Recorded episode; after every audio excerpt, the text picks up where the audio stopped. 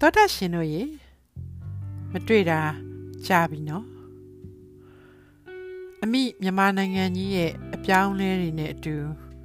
ကျမလဲသောတာရှင်တွေနဲ့ခဏတာဝေးကွာခဲ့လို့တောင်းပန်ပါတယ်နော်ဒီတစ်ပတ်မှာတော့ဆောင်းမရှင်ဘာဒလ်နာက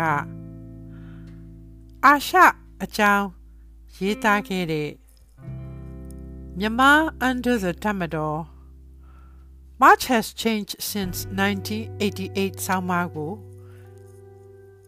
ဘာသာပြန်ထားတဲ့1988ကလို့2021ကစစ်ဗိုလ်ချုပ်တွေ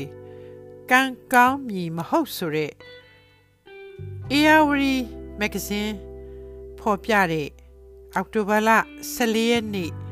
2021ခုနှစ်က ဆောင်းပါးကိုတင်ပြခြင်းပါတယ်စစ်ကောင်စီရဲ့တင့်ငါးတွေဟာအဓိကမြို့ကြီးတွေကို ထွက်လာပြီးဆန္ဒပြသူတွေကိုရရက်ဆက်ဆက်နှိမ်နှင်းပြီးနာကြီးနေတဲ့တက်ကြွလှုပ်ရှားသူတွေကတိုက်ပွဲဝင်ဖို့နဲ့အဝေးရောက်အစိုးရကို ဖွဲ့စည်းဖို့နေဆက်ဒေသတွေကို ထွက်ခွာသွားကြတဲ့အခါ1988ခုနှစ်ဒီမိုကရေစီအရေးတော်ပုံမှာတည်င်းယူခဲ့တဲ့စာရေးသူနဲ့တခြားတည်င်းသမားအများအပြားဟာအတိတ်ကို ပြန်လည်ခံစားကြရပါတယ်။တမိုင်းတပတ်ပြန်ပြီလားရက်ဆက်ကြမ်းကြုတ်တဲ့စစ်အုပ်ချုပ်ရေးဆယ်စုနှစ် ခုခံမှုတွေနဲ့ဒုက္ခတွေကို ပြန်လည်ကြုံတွေ့ကြရအောင်မလားစီယူနီဖောင်းဝစ်တွေဟာအတိတရားရပြီးသူတို့ဟာနိုင်ငံကို မကယ်တင်ပဲဖျက်ဆီးနေတာကိုသဘောမှပင် ပေါက်ပါအောင်တော်မှလားဆိုတဲ့မိကွန်းတွေကိုမေးမိပါတယ်ဒါပေမဲ့အသေးစိတ် ပြန်သုံးသပ်ကြည့်တဲ့အခါဒီကနေ့အခြေအနေနဲ့လွန်ခဲ့တဲ့33နှစ်ကအခြေအနေကြားမှာအခြေခံကွဲလွဲချက်တချို့ရှိနေတာတွေ့ရပါတယ်ပထမဆုံးအချက်က digital media ကကဘာကို ပြောင်းလဲပြစ်လိုက်တာဖြစ်ပြီးမြန်မာနိုင်ငံကိုလည်းချွင်းချက်အဖြစ်ချန်လှပ်မထားပါဘူး1988ခုနှစ်က အင်တာနက်နဲ့စမတ်ဖုန်းတွေမရှိသေးပဲဘန်ကောက်ကသတင်းယူတဲ့သတင်းတောက်တွေဟာလိုင်းမကောင်းတဲ့ကြိုးဖုံးတွေကိုသာအဓိကအားထားရပါတယ်။အဲ့ဒီတုန်းကတနိုင်ငံလုံးကျေပြတ်တဲ့ဆန္ဒပြပွဲတွေဟာ1988ခုနှစ်ဩဂုတ်လ10ရက်နေ့မှာစပါတယ်။ဒါကြောင့်ရှစ်ရှစ်ရှစ်ရှစ်ရှစ်လေးလုံး အရေးတော်ပုံလို့ခေါ်ပါတယ်။အရေးတော်ပုံဖြိုခွဲဖို့စစ်တပ်ကိုထုတ်သုံးတဲ့နေရာမှာစစ်တပ်ကလည်းရရဆက်ဆက်ကြမ်းကြမ်းကြုတ်ကြုတ်နှိမ်နှင်းပါတယ်အဲ့ဒီချိန်ကမြို့တော်ရန်ကုန်နဲ့တခြားမြို့တွေမှာထောင်ပေါင်းများစွာသောပြည်သူတွေတချို့မှတ်တမ်းဆရာတွေပြောသလိုရာပေါင်းများစွာမဟုတ်တဲ့ထောင်ပေါင်းများစွာသောပြည်သူတွေကိုပြစ် တက်ပါတယ်ဒီနည်းနဲ့ပြည်သူတွေကိုကြောက်လန့်ပြီးအရှုံးပေးသွားအောင် မလုံနိုင်တဲ့အခါစစ်တပ်ဟာသူတို့ဝင်ဆွတ်နိုင်မဲ့ဒါမှမဟုတ်ငြိမ်ဝတ်ပြပြမှုကို ထိမ့်သိမ်းနိုင်မဲ့ဖယိုဖယဲအခြေအနေတွေဖြစ်လာမယ်ဆိုတဲ့မျှော်လင့်ချက်နဲ့လမ်းတွေနဲ့အများပြည်သူရဲ့မြင်ကွင်းကနေပျောက်ကွယ်သွားပါတယ် စက်တင်ဘာလ16ရက်နေ့မှာစေအုပ်စုဟာနိုင်ငံတော်ငြိမ်ဝတ်ပြပြမှုတိဆောက်ရေးအဖွဲ့ slot ကိုဖွဲ့စည်းပြီးအာဏာသိမ်းလိုက်ပြီးတော့ဆန္ဒပြသူတွေကို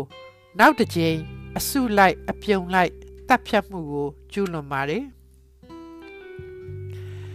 အဲ့ဒီချိန်ဩဂုတ်လလယ်ကနေစက်တင်ဘာ18ရက်နေ့အထိ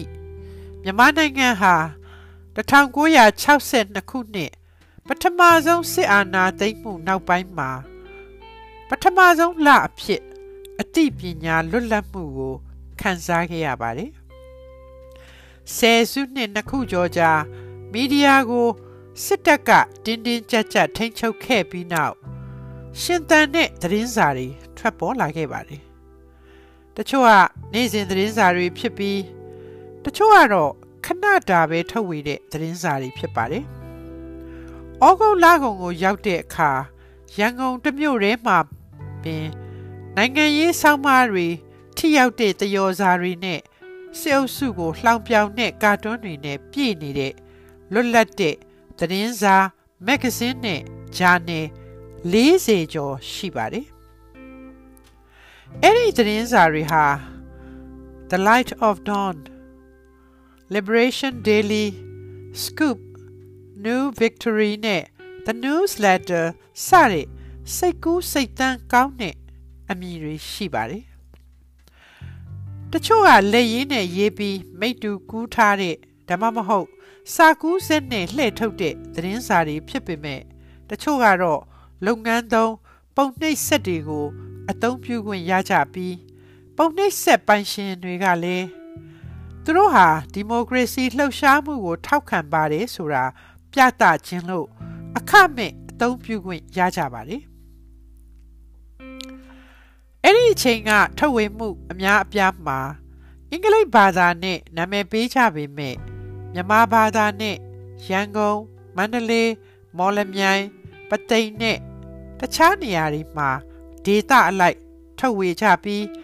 အဲ့ဒီသတင်းစာတွေမှာပါဝင်တဲ့အကြောင်းအရာတွေဟာပြင်ပကဘာကို ရောက်တာမရှိသလောက်ဖြစ်ခဲ့ပါတယ်ဓာတ်ပုံတွေကလည်းအလားတူပဲဖြစ်ပါတယ်မြန်မာဓာတ်ပုံဆရာအများပြားဟာအကောင်းဆုံးဓာတ်ပုံတွေကိုရိုက်ကူးနိုင်ကြပြီးပြည်ရင်းမှာပဲထုတ်ဝေကြပါတယ်အဲ့ဒီလိုဓာတ်ပုံဆရာတွေနဲ့တယောက်ကဦးထိန်ဝင်းဖြစ်ပြီးသူ့ကျေးဇူးကြောင့်1988ဖြစ်ရက်တွေအတွက်အထောက်အထားတွေရှိလာခဲ့ပါတယ် ဝါရင်ဓာတ်ပုံဆရာတူဖြစ်တဲ့ဦးထိန်ဝင်းဟာကုလသမဂ္ဂအထွေထွေအတွင်းရေးမှူးဟောင်းဦးတန့်ရဲ့ဇာပနာကြောင့်ပေါ်ပေါက်လာတဲ့ចောင်းသားဆန္ဒပြပွဲတွေကိုလည်းဓာတ်ပုံရိုက်ကူးခဲ့ပါတယ်ဒုတိယပိုင်းကိုဆက်ပြီးတင်ဆက်ပါမယ်ရှင်။